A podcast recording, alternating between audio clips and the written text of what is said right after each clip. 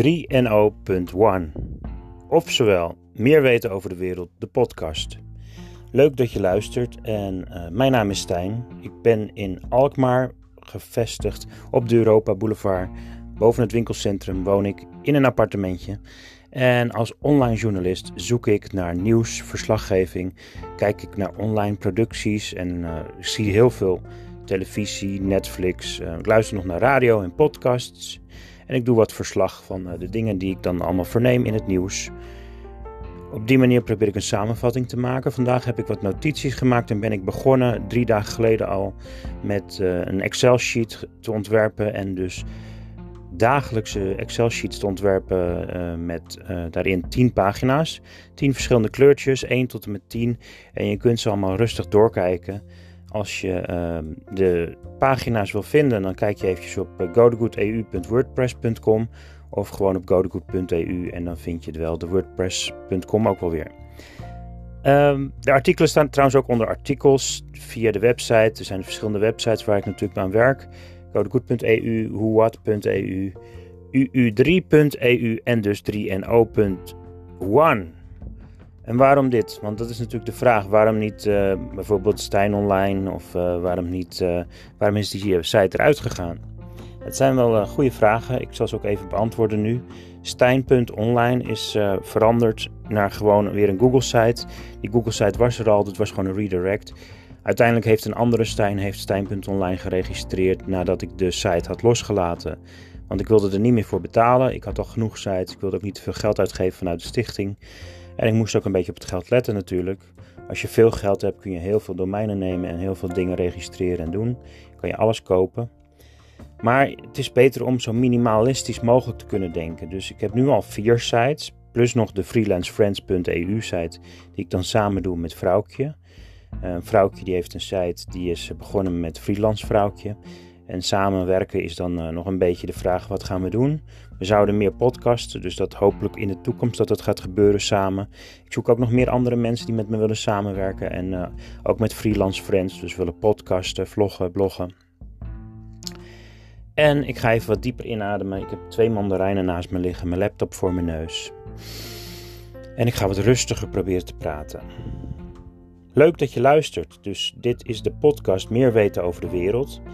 En ik keek vanochtend, of eigenlijk deze nacht nog, want het was om 5 uur. Het is nu alweer 7 uur 11, maar keek ik naar een livestream over de vaccinatie. Die werd goedgekeurd door Europa, door de EMA en Oxford. Het oordelingsproces en de Nederlandse CBG, die de persconferentie publiceerde uh, door middel van een livestream. Uh, eerst de EMA een publicatie deed en daar gingen ze dan later een conclusie op doen in het Nederlands. Um, die twee pagina's die kun je dus vinden via een sheet wat ik online heb gepubliceerd op 30-12-2021.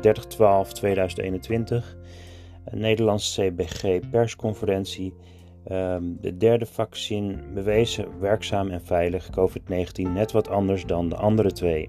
Verschillende effecten op de varianten van virussen. De twee eerdere Pfizer en Moderna verkoudheidsvirus wat het COVID bevat, bedoeld voor 18 plus, 55 plus, is te weinig data.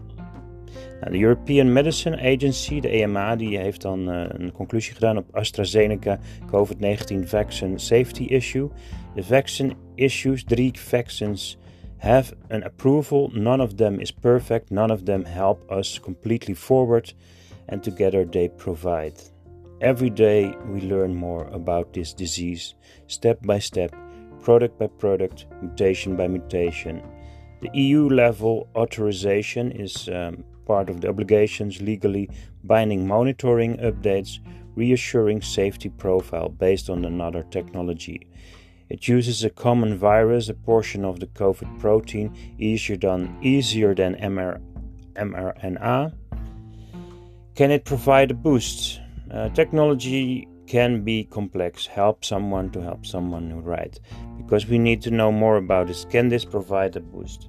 The production and supply challenges to evaluate date and practice, process, timeline, opinions, consensus, safety, closely monitored. How in all EU states worldwide data requested the company to investigate, regulate authorities, what data would be needed, aware of the urgency. People are suffering of the pandemic. Many other are in development. Janssen may be in the marketing, have a new product waiting for it. Many are reviewed by EMA. 180 plus developers of new vaccines. Thousands of hundreds, thousands, hundreds of thousands in need. No silver bullets are made, but significant milestones are done. CHMP EMA medical products for human use. Product information within 4 to 12 weeks second dose. Four clinical trials UK, Brazil, and South Africa. 59.50%, 64% out of 500 got COVID. Challenges after the four assessments. Estimate to efficacy. What is efficacy? How well the vaccine worked. National expert Vladimira uh.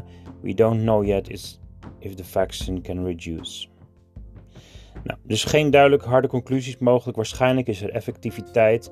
Vaccinstrategie is een gezondheidsraad, is aan de gezondheidsraad en die zal 4 tot 12 weken tussen de eerste en de tweede prik uh, hebben onderzocht. De bescherming ontstaat na drie weken. De tweede prik is echt nodig om te versterken en om te behouden. 60% effectief, minder hoog dan bij andere twee zonder vaccinatie. 100 ziek met nog maar 40 ziek.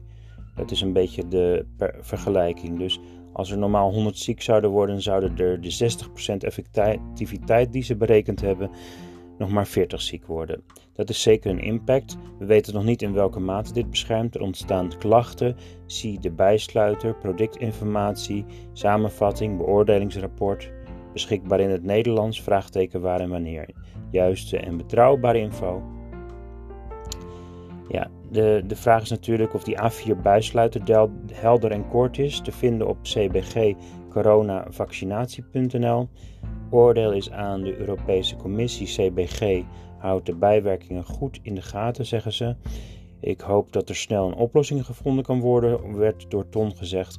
Vragen over de levering, ministerie van Volks VWS, Volksgezondheid. En zij gaan over de vaccinatiestrategie, zegt cbg/met.nl.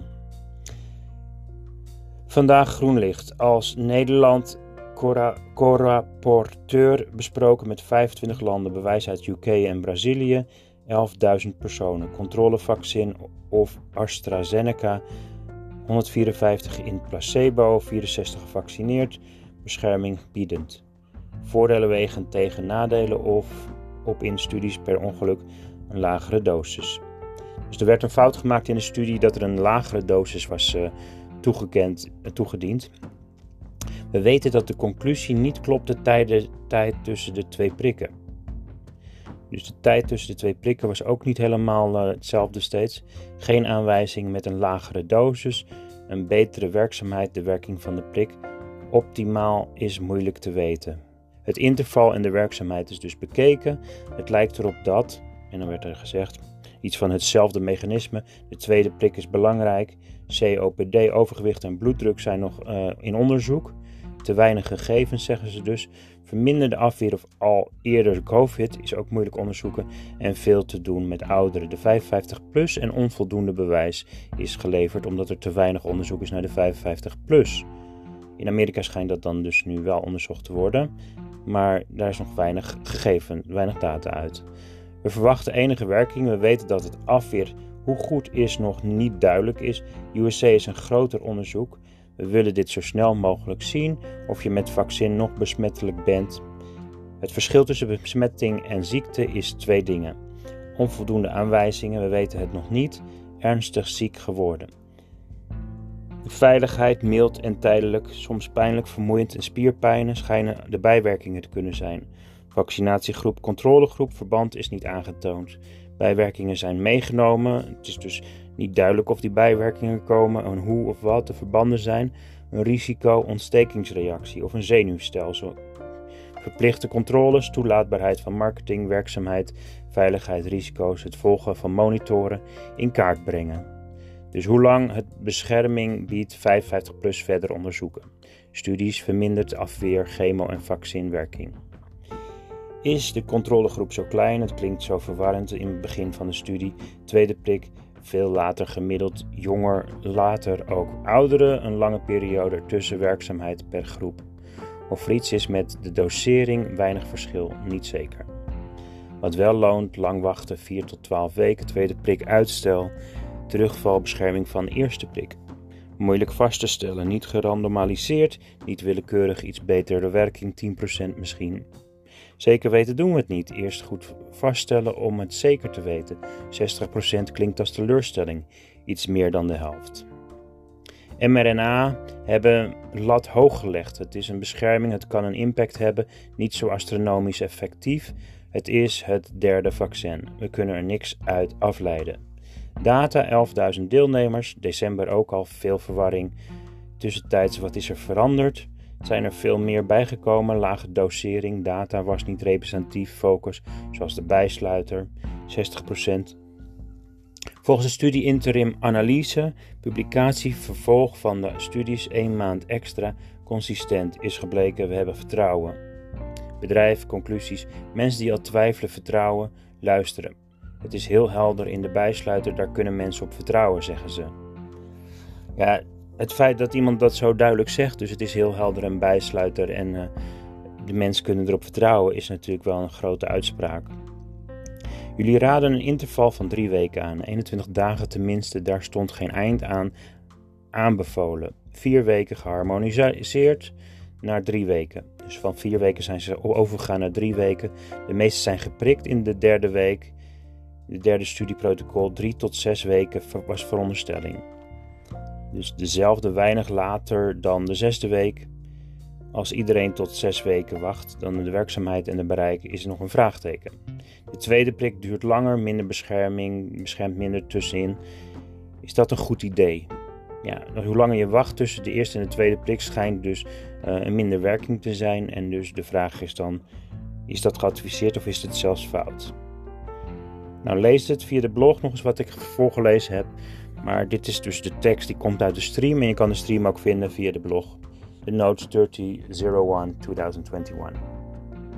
Thank you for listening. Bedankt voor het luisteren. 3NO.1 See the world from a different view.